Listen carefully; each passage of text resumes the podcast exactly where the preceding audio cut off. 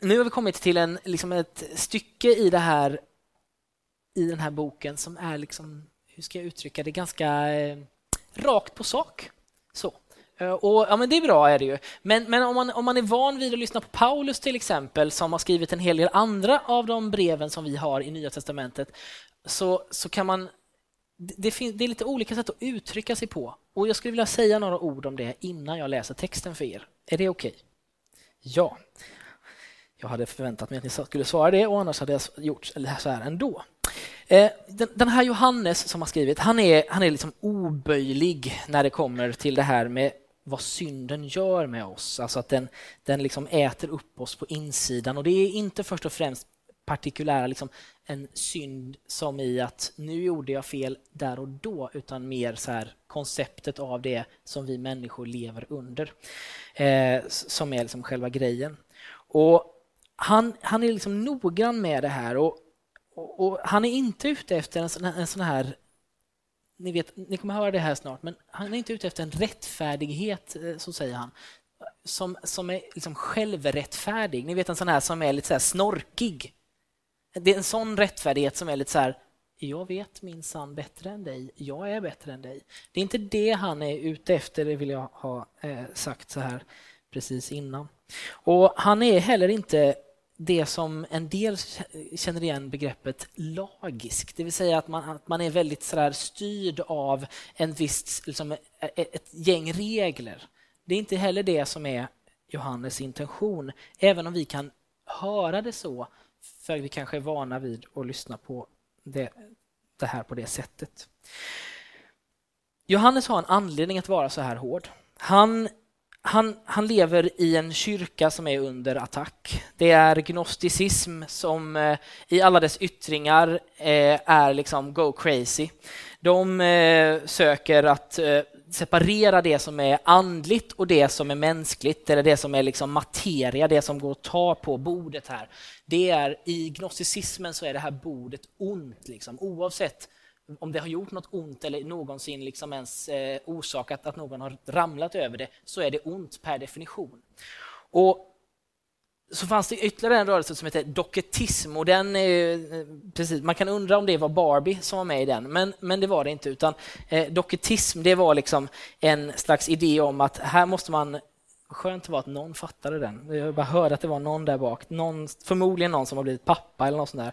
För det är den typen av nivå på det. Men eh, Doketismen tog det här till extrem, liksom, där man sa så här, nej men Jesus kan inte ha varit Messias därför att det blir per definition omöjligt att säga att Messias eller Kristus, det är ju något gott och andligt kan inte ha något att göra med en människa. Därför att en människa är ju liksom i sitt liksom kött, alltså i sin kropp, sina celler, ondskefull. Och en, en ännu värre variant av det här det var en, en snubbe som hette Krinthos. Han, eh, han eh, kom på massa smarta grejer. Då tänkte han så här, nej men då kan ju den här Kristus, den här andliga grejen, ha varit med Jesus från att han döpte sig strax innan han gick upp på korset och dog. Då kunde han hoppa av för att Gud, som Kerinthos tänkte sig, var en okänslig Gud som inte kunde ha med lidande att göra, som inte kunde känna och inte kunde lida och därför var det omöjligt för honom att dö på ett kors. Och, och, det är i den här världen av alla de här grejerna som, som Johannes lever. Det berättas till och med i, och det här är eh, för er som har sett att jag har lagt upp en Facebook-status, så är det här svaret på eh, den här lite konstiga grejen som jag sa någonting om att Johannes springer halvnaken eh, i Efesos.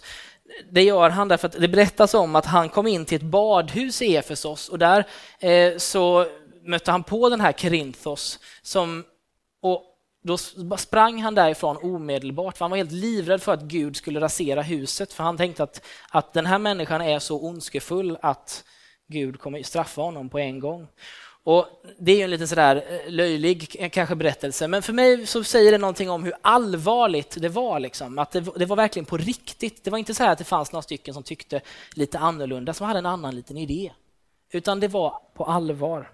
Och det känner jag att det vill jag liksom att man ska ha med sig in när vi läser den här texten. Så till dagens text. Aposteln Johannes första brev kapitel 2, vers 3 till 29. Häng med. Att vi har lärt känna honom förstår vi av att vi håller hans bud. Den som säger jag känner honom men inte håller hans bud är en lögnare och sanningen finns inte i honom. Men den som bevarar hans ord har Guds kärlek i, eh, där har Guds kärlek i sanning nått sin fullhet. Då vet vi att vi är i honom. Den som säger att han förblir i honom måste själv leva som han levde. Mina kära, vad jag skriver här är inget nytt bud utan ett gammalt som ni har haft från början. Detta gamla bud är, är ordet som ni har fått höra. Ändå är det jag skriver ett nytt bud. Det visar både hans och ert liv. Ty mörkret viker och det sanna ljuset lyser redan. Den som säger sig vara i ljuset men hatar sin broder är ännu kvar i mörkret. Den som älskar sin broder förblir i ljuset och har ingenting inom sig som leder till fall. Men den som hatar sin broder är i mörkret. Han vandrar i mörkret och vet inte vart han går, ty mörkret har gjort hans ögon blinda. Jag skriver till er, mina barn, ni har fått era synder förlåtna för hans namns skull. Jag skriver till er fäder, ni känner honom som är till från början. Jag skriver till er, till er som är unga, ni har besegrat den ond. Jag skriver till er barn, ni känner Fadern. Jag skriver till er fäder, ni känner honom som är till från början. Jag skriver till er som är unga, ni är starka och Guds ord förblir i er och ni har besegrat den onde. Älska inte världen och det som finns i världen. Om någon älskar världen finns inte Faderns kärlek i honom. Ty det som finns i världen, vad kroppen begär, vad ögonen åtrår och vad högfärden skryter med, det kommer inte från Fadern utan från världen. Och världen förgår med sina lockelse, lockelser, men den som gör Guds vilja består för evigt. Mina barn, detta är den sista tiden. Ni har hört att en antikrist ska komma och nu har också många antikrister trätt fram. Av detta förstår vi att det är den sista tiden. De har ju utgått från oss men hörde aldrig till oss, ty om de hade hört till oss hade de stannat hos oss. Men det skulle avslöjat att ingen av dem att ingen av dem hör till oss. Ni däremot har blivit smorda med den helige Ande och känner alla sanningen. Jag skriver, inte, jag skriver heller inte att ni är okunniga om sanningen utan att ni känner den och vet att ingen lögn uppstår ur sanningen. Vem är nu lögnare om inte den som förnekar att Jesus är Kristus? Den är antikrist som förnekar Fadern och Sonen. Den som förnekar Sonen har inte heller Fadern och den som erkänner Sonen har också Fadern. Bevara det ni har hört från början. Om det ni har hört från början finns i er förblir också ni för alltid bevarade i Sonen och i Fadern. Och, det, och detta är vad han själv lovade oss, det eviga livet. Jag skriver här till er om dem som vill bedra er, men i er förblir den smörjelse som ni har fått av honom och ni behöver ingen lärare, ty hans smörjelse undervisar er om allt. Den, den talar sanning och inte lögn. Gör som den lär er, förblir i honom.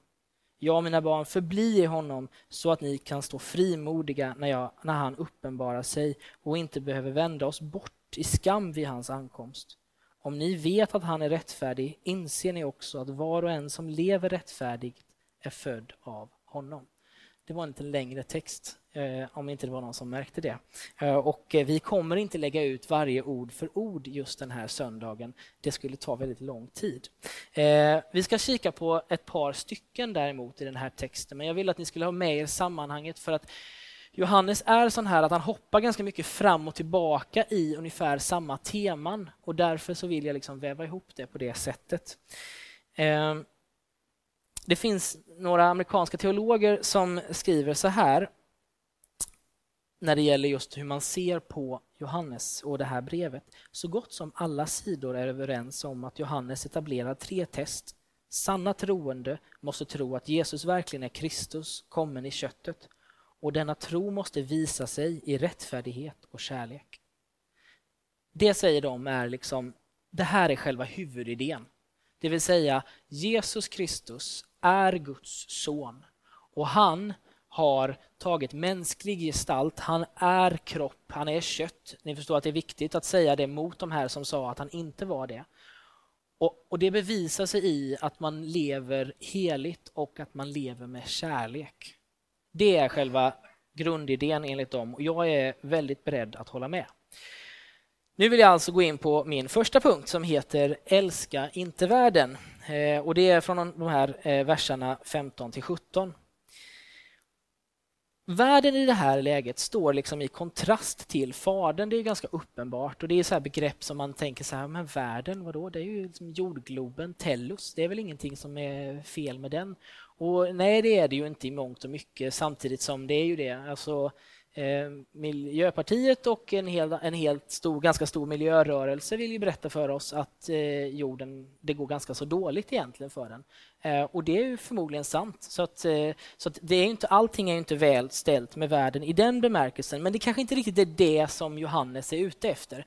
Han skriver i sitt evangelium en väldigt känd vers där det står så här. För så älskade Gud världen att han gav den sin enda son. Så det skulle på ett sätt stå liksom lite i motsats till det här som han skriver ett par år senare. Och då kan man tänka, har han ändrat sig? Och det får man göra om man vill, men, men jag tror inte att han har gjort det. Utan jag tror att han liksom vill beskriva två ganska olika saker.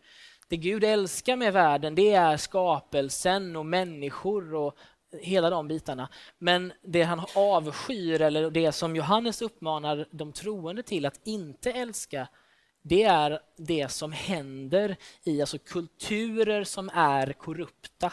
Eh, mänskliga beteenden som försöker att utnyttja andra människor eller vad det nu kan vara för någonting. Det är alltså inte så att det finns ett förakt för kroppen eller för världen som sådan, för skapelsen, utan däremot finns det ett förakt för det som människor förde fram i sin synd, om vi får uttrycka det på det sättet.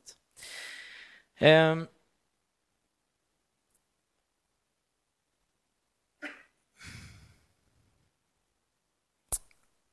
Så här står det i en annan bibelöversättning som jag tyckte var ganska bra för att få fram just det här. I en, eh, eh, The Message heter den. Så gott som inget av det som florerar i världen, att vilja bestämma allt själv, att vilja ha allt för egen del, att vilja verka viktig, har något med Fadern att göra. Det skiljer er bara från honom. Ser ni, ser ni de grejerna? Är det någon som känner så här, det är attraktivt att vilja bestämma allt själv, att vilja ha allt för egen del, att vilja verka viktig? Funkar, funkar det bra eh, om ni kör så i ert äktenskap efter 12 år så här? Nej, det gör det inte. Daniel, han, han, det finns lite tvekan där. Eh, så, och, och, men det tror inte jag att det är så egentligen. Utan, utan vi kan konstatera att, att vi håller nog egentligen med. Liksom. Alltså, när vi säger så här, älska inte världen. Om det är det här som att är att inte älska världen, då är det många av oss som känner så här, vi håller med. Det där är inte fräscht. Eh, och ändå så är ju du och jag en väldigt aktiv del i det här. Det är ju liksom, det är många som skulle säga så här att om man skulle göra det där till ett begrepp och sätta in det i en ordbok så skulle mitt ansikte finnas där jämte. Eh, så så, att, så det är inte som att vi liksom är främmande för det. Eh, men däremot så är vi inte, vi är inte positiva till det. Vi känner oss inte så här, ja men så vill vi leva. Jag vill tänka att det här inte handlar om världsfrånvändhet utan att man vill liksom vända sig från det som vi inte känner är fräscht. Det som Bibeln i det här fallet kallar synd och som säger att nej men det är inte någonting att sträva efter. Det till och med står så att det bara skiljer er från honom. Och säga att det finns en kontrast mellan Fadern, alltså Gud, och det här som, som liksom drar bort från honom och det vill du och jag kanske inte vara del av, förhoppningsvis inte. Att inte älska världen, det är att förhoppningsvis inte dyrka det som världen dyrkar, det vill säga egot, hamstrandet, klättrandet. Det är de här tre som jag tänker är det som står här. Men för att sluta göra någonting, för att sluta med det här och ersätta det med något annat så, eh, så är, eller man behöver ju ersätta det med något annat tänker jag. Annars blir, brukar det bara bli sju resor värre. Ni vet ju hur det är liksom, när man säger så här, jag ska avstå från godis. Eh, för mig är inte det enkelt, eh, det vet min fru. Men om jag ersätter det med något annat jag har precis kommit på att om jag ersätter alla mina kolaflaskor som jag har hemma med sån här Loka, då får jag den här kolsyreeffekten som jag vill ha i min mun, fast jag eh, tämmer inte i mig massa socker eller aspartam eller vad det nu är för någonting i Cola Zero. Eh, och, och, och, det har jag kommit på att det är smart. Så att man ska ersätta saker och ting med, eh, med ett bättre beteende. Och om man vill ersätta de här sakerna, vad ska man då ersätta det med? Jo, men jag tror att man ska ersätta ego med kärlek till Gud och till sin nästa, till sin granne, till sin kompis, sin bättre hälft. Det tror jag är klokt, att ersätta egot, det som liksom bara river i att jag vill ha allt för mig själv. Att försöka ersätta det och säga så här, men jag vill faktiskt inte bara ha allting själv, jag vill dela med mig. Eller jag vill någon annans bästa. Det tror jag är bra. Jag tror att man ska ersätta det här hamstrandet, det här samlandet, det här jag vill ha allting. Det tror jag man ska ersätta med generositet. Med givmildhet, med där man eh, ger av det som man har fått eller faktiskt tjänat. Och Jag tror att man ska ersätta det här klättrandet med tjänande. Det står i Bibeln om att Jesus själv gjorde det, att han klev ner, att han valde bort det som var hans, liksom, att han valde att inte klättra uppåt utan neråt. Och det tror jag också är en klok sak, att ersätta det här klättrandet, det här jag kliver på någon annans rygg för att ta mig uppåt, slickar uppåt, sparkar neråt. Kanske speciellt i den här staden. Att ersätta det med tjänande, det är verkligen att vara lik Kristus, att välja bort, så att säga, älska, att inte älska den här världen, så att säga, i det, i det som vi precis beskrev. Och om man ska vara riktigt så här, hur gör man det då? Jo, men jag tänker så här, man, man bidrar med något gott till sina vänner, grannar, arbetskamrater eller anställda för den delen. Man, man bestämmer sig för att jag ska vara någon som liksom lägger till det här kontot av känslor, tjänster, eh, allt vad det är för någonting. Jag ska inte vara den som suger ut, jag ska vara den som ger in. Jag tänker att man eh, ska börja fundera på eller kanske ifrågasätta sin konsumtion versus sitt givande. Eh, jag hörde en av mina vänner berättade om en barnfamilj som varje gång de köpte en leksak till sin lilla son så bestämde de sig för att de skulle ge bort lika mycket pengar eh, till typ en hjälporganisation eller sådär. Eh, min kompis sa då också snabbt eh, att det är ju enkelt när man har ett barn, men det är värre när man har två eller tre. Eh, och så är det ju. Eh, så. Men det var, tycker jag var ett ganska så här, det var ett bra experiment, smart eh, grej. Kul att de tänkte att man kan faktiskt bestämma sig för att göra någonting som inte bara handlar om mig och mitt ehm, i Bibeln som, som vi läser mycket här, den, eh, den, den förespråkar att man ska ge bort ungefär 10 procent av det man eh, äger eller eh, tjänar. Och det tycker jag är en jättebra tumregel. Och siktar man på det så kommer man komma väldigt långt. Och det man kommer med det ifrågasätta sin konsumtion. För när de tickar ut de där pengarna från kontot så känner man så här, jag skulle kunna göra väldigt mycket med de här pengarna. Men man, förhoppningsvis så tänker man också att det här är jag glad över att få lämna ifrån mig. Man skulle också kunna tänka sig att man ska bestämma sig för att om något eller något i din värld behöver påverkas, om du tycker så här, det, det är någonting som suger fett eh, i din verklighet, så skulle man kunna tänka sig att du eh, var den som gjorde något åt det. Det är någonting som, som eh, många politiker vill säga, att de vill vara den som gör någonting åt någonting. Eh, så, och tyvärr så upplever väl en del av oss att de kanske inte alltid gör det sen, utan att det var mest ord. Eh, och det ska vi prata om eh, nu, tänkte jag. För att vi ska gå in på punkt två som heter filosofi och praktik. Och det är ju så här, men vad är filosofi? Ja, men det är ju läran om typ tänkandet eller liksom att, eh, ja, eh, funderandet, typ. och här i de här verserna, eh, vi läser dem igen bara för, för nu kanske vi inte har dem så fräscht eh, längre. Att vi har lärt känna honom eh, förstår vi av att vi håller hans bud. Den som säger jag känner, hon, eh, jag känner honom men inte håller hans bud är en lögnare och sanningen finns inte i honom. Men hos den som bevarar hans ord har Guds kärlek i sanning nått sin fullhet. Då vet vi att vi är i honom. Den som säger att han förblir i honom måste leva så som han levde. Ord och inga visor. Eller hur? Känner ni så? Jag känner så. Jag, jag bävar när jag läser det här. Eh, men men jag, jag, tror inte att, Johannes är ju inte ute efter egentligen att peka på någon som sitter i den här församlingen för först och främst. Det, det tror jag man ska vara ganska noga med. Att han, han, han är inte ute efter att säga så här, du som sitter där.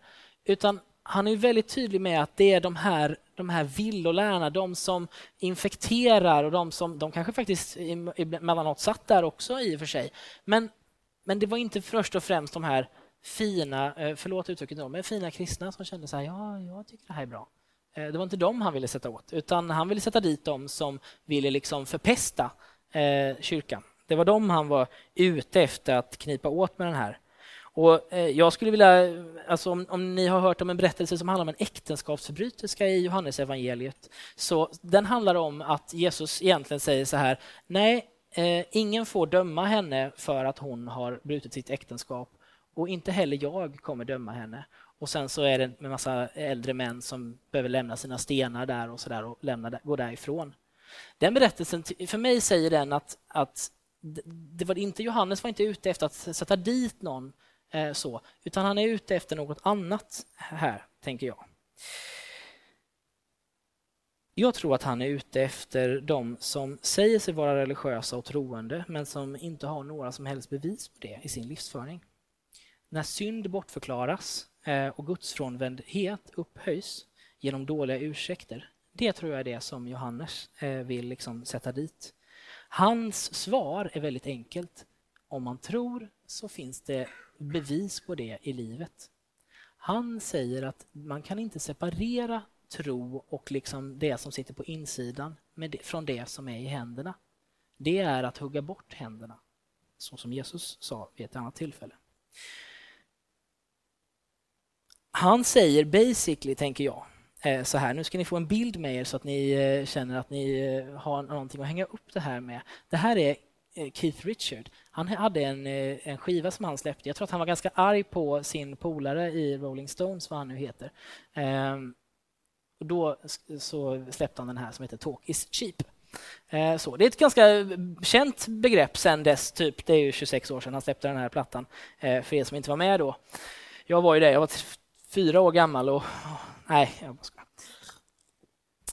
Hur som helst, talk is cheap, det är själva grundidén med det här. Alltså man ska inte bara snacka, utan man ska också handla. Han, Johannes kan inte tänka sig en tro som bara är filosofiskt, filosofisk. Och, och jag, när jag liksom kommer inför det här, då tänker jag så här, crap. Jag är ju sån ganska mycket, skulle jag vilja hävda. Alltså, I mitt liv är det väldigt mycket så att jag har ganska mycket idéer och tankar och sådär. Eh, och, och, ni vet, politiker i hela, hela vänster-höger-spektrat blir ju påkomna ganska ofta med att vara hycklare. Och jag vill inte dra upp alla dem, eh, så, men det är liksom någon miljöpartist som kommer bli påkommen med att inte värna om miljön och det kanske är någon kristdemokrat som inte fullt ut är så genomsyrad av sina kristna eh, värdegrunder utan något annat. Och det är någon moderat och det är någon annan som liksom, man blir påkommen med att man har fuskat. Liksom. Och det man sa och som var så fint, det visade sig att det inte var så hemskt bra. Läs med mig några ord från en kille som heter, kille som heter Douglas som eh, har skrivit en bok. Han skriver så här. Nästan varje aspekt av den moderna kristendomen förutsätter tro, att tron först och främst är en uppsättning av idéer att tro på. Det är allt. Visst uppmuntrar vi några marginella handlingar på sidan, men det är inte riktigt viktigt, inte centralt. Vår tillbedjan handlar främst om att förklara och sjunga idéer. Våra skolor fokuserar på att överföra idéer. Vår gemenskap innebär att snacka med människor som delar våra idéer och vårt inträde i himlen kräver att vi håller rätt idéer i våra huvuden. I århundraden tidigare gick denna märkliga besatthet av idéer helt enkelt under namnet gnosticism. Den, antik, den antika villoläran att idéer och intellekt är viktigare än att kroppar och människor faktiskt gör någonting. Vi har ett säkert och godkänt ord för att dölja vår gnosticism. Vi kallar det för världsbild. När jag läser detta, då, då börjar det bli jobbigt för mig. Eh, jag känner så här, är det här sant om mig? Är jag så blind att jag praktiskt taget har blivit gnostiker? Gud, rädda mig från det. Hur, hur, hur kunde det gå så fel då? För, för ända sedan 1500-talet så är ju eh, kyrkan överkåt på frälsning. Det är, frälsning är, det är, liksom, det är frälsning, frälsning, frälsning, frälsning hela tiden. Det finns ingenting annat än frälsning. Och framförallt i frälsning i den bemärkelsen en biljett till himmelen. Och då undrar jag, så här, är det verkligen vårt enda budskap? Att det finns en gratis biljett till himmelen?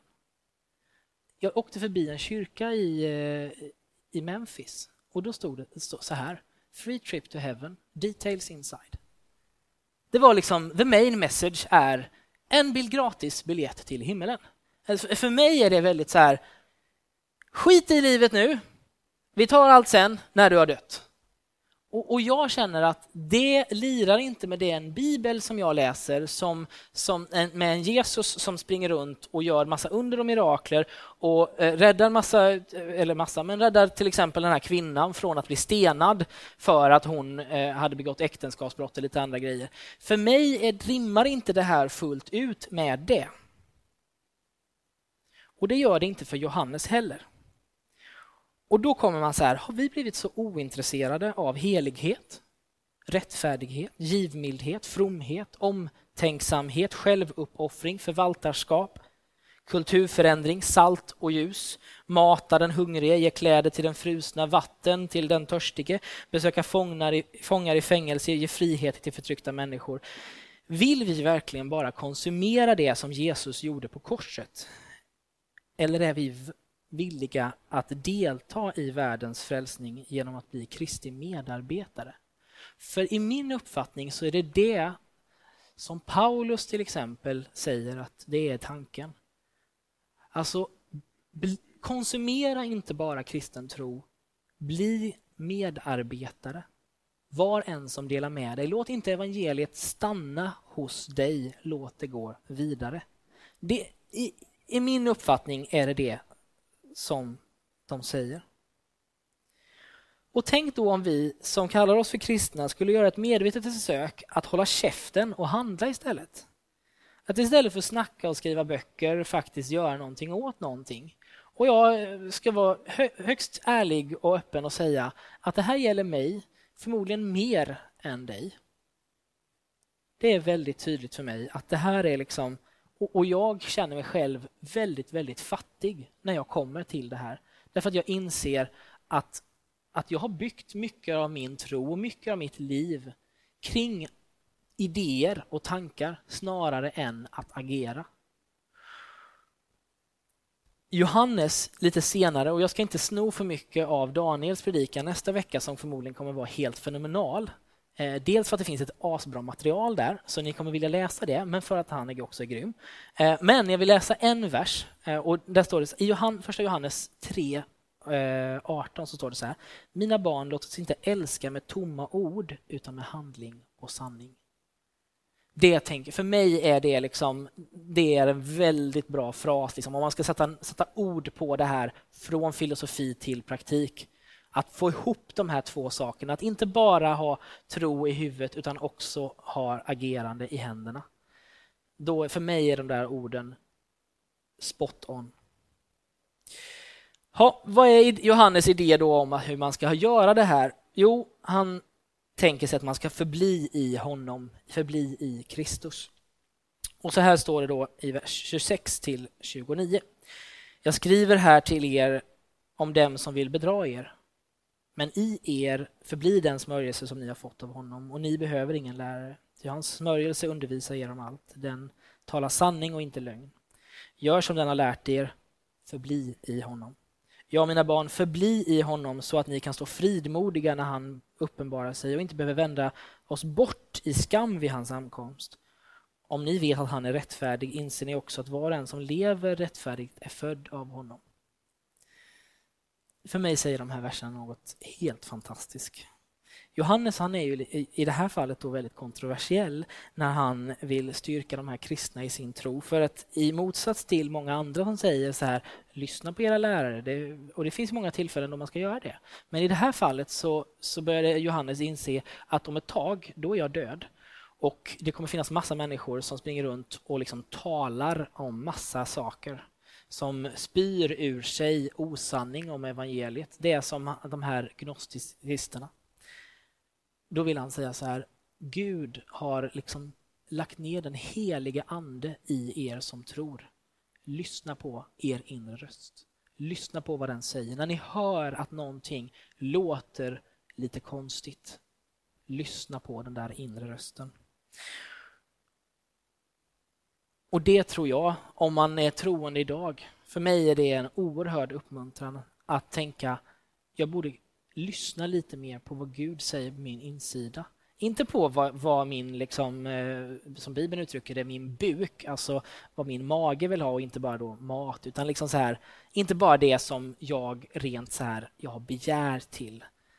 Att jag vill ha, liksom, trots att jag har gift mig så vill jag ändå ha fler kvinnor eller trots att jag har mat på bordet så vill jag äta ännu mer och frossa. Trots att jag har en lägenhet så vill jag ha en större och så vidare inte, liksom, inte, det, inte den rösten.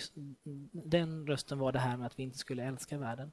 Men lyssna på den här inre rösten. Det är som när Gud talar in i ditt liv och, och manar dig till att göra saker. När du, när du är i de där situationerna när det faktiskt du tänker så här att det, nu händer det någonting. Jag hamnar där ibland i alla fall.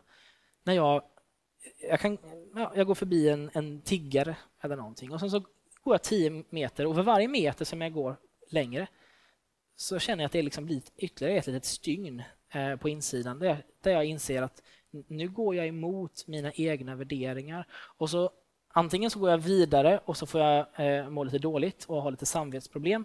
Eller så går jag, vänder mig om och gör någonting åt det. Och ägnar inte bara tanke åt någonting utan faktiskt gör något praktiskt. Det är mina alternativ.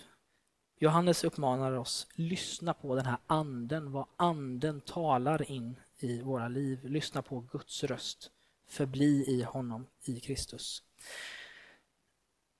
Det här i Kristus, eh, en Christo, det lyckas ha fått med ett grekiskt ord den här gången också. Det är lustigt. Eh, det är i alla fall ett begrepp som är oerhört viktigt för många av apostlarna när de skriver. Det är, och det är väldigt viktigt, tror jag, för den kristna tron också. För både Paulus och Johannes använder sig av det här en Christo i Kristus.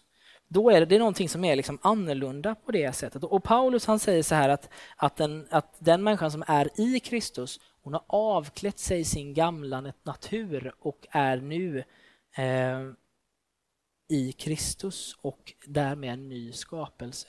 Så det är liksom något, någonting som händer där, eh, tänker Paulus. Och, och, det är nog förmodligen det som Johannes är ute efter här, att det är någonting som händer när man är i Kristus. Och vad är det då? Jo, men, jo, men då är det så här att när man är i Kristus, då är huvudtanken är så här att man ikläder sig någonting. Att även om jag är på ett visst sätt så ikläder jag mig något annat. Tänk det som en dräkt eller någonting. Och trots att jag liksom jag, det är fortfarande jag där på insidan men jag ser ut som en Lisebergskanin eller vad det nu är för någonting. Alltså jag är på, kvar på insidan men Kristus är Jesus är det som uppfyller mig på något sätt. Det är i slutändan också så som Johannes och Paulus tänker att vi är rättfärdiga. Att vi är färdiga i rätten, att vi har ett rätt, en rätt livsstil. Det är när vi är i Kristus. Då vet vi att vi har en, ett rätt, en rätt livsstil. Och om man känner att så här, när vi har läst de här texterna att nej men eh, så där lever inte jag. Eh, då, då, är liksom Johannes uppmaning att nej men, tänk på att du faktiskt är i Kristus och att då finns det saker som också rimmar med den att vara i Kristus. Att man följer honom, eller säger sig följa honom i alla fall, det kommer också med ett antal förväntningar. Och ta nu det här på rätt sätt. Inte som liksom så här, nu ska jag lägga ett ok på dina axlar, nu ska jag tynga ner dig. Utan tänk snarare så här att kan vi inte få upp den här eh, sista töntiga bilden som jag har letat upp? Eh, tänk snarare så här att på nyheterna i USA för ett tag sedan. Eh, man dressed as Spiderman accused of attempt robbery. Eh, det blir fel. Ni köper det, eller hur? Eh, så, det finns hundra bättre bilder, men jag hittade inte dem idag. Så Google var inte tillräckligt snabb och snäll. Men, men det blir fel liksom, när, när vi utger oss för att vara något, men inte är det. Ni vet ju alla, och det finns ju liksom frukt, allt från fruktansvärda berättelser till eh, komiska berättelser. Men, men, men, låt oss bara för att vi nu fokuserar på kyrkan och kristna. Liksom. När, när människor som till exempel är präster gör saker som är riktigt hemska. När, när präster förgriper sig på barn.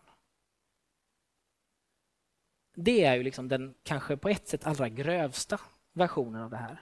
Det är människor som, som de utger sig för att vara nära Gud, heliga, som har med honom att göra, men som inte, har, som inte visar det i sina liv. Jag inser att det är ju, liksom, det är ju extremen. Och, och jag hoppas innerligt att du inte eh, liksom kan räknas till den skaran. Eh, så. Men, men du kan förmodligen räknas till skaran på, ett, på, någon, på någon annan nivå av det här. Och Vi vet ju det alla, alla var och en av oss. Om vi tror på Jesus så vet vi att våra liv rimmar inte alltid med det som vi önskar att det skulle vara.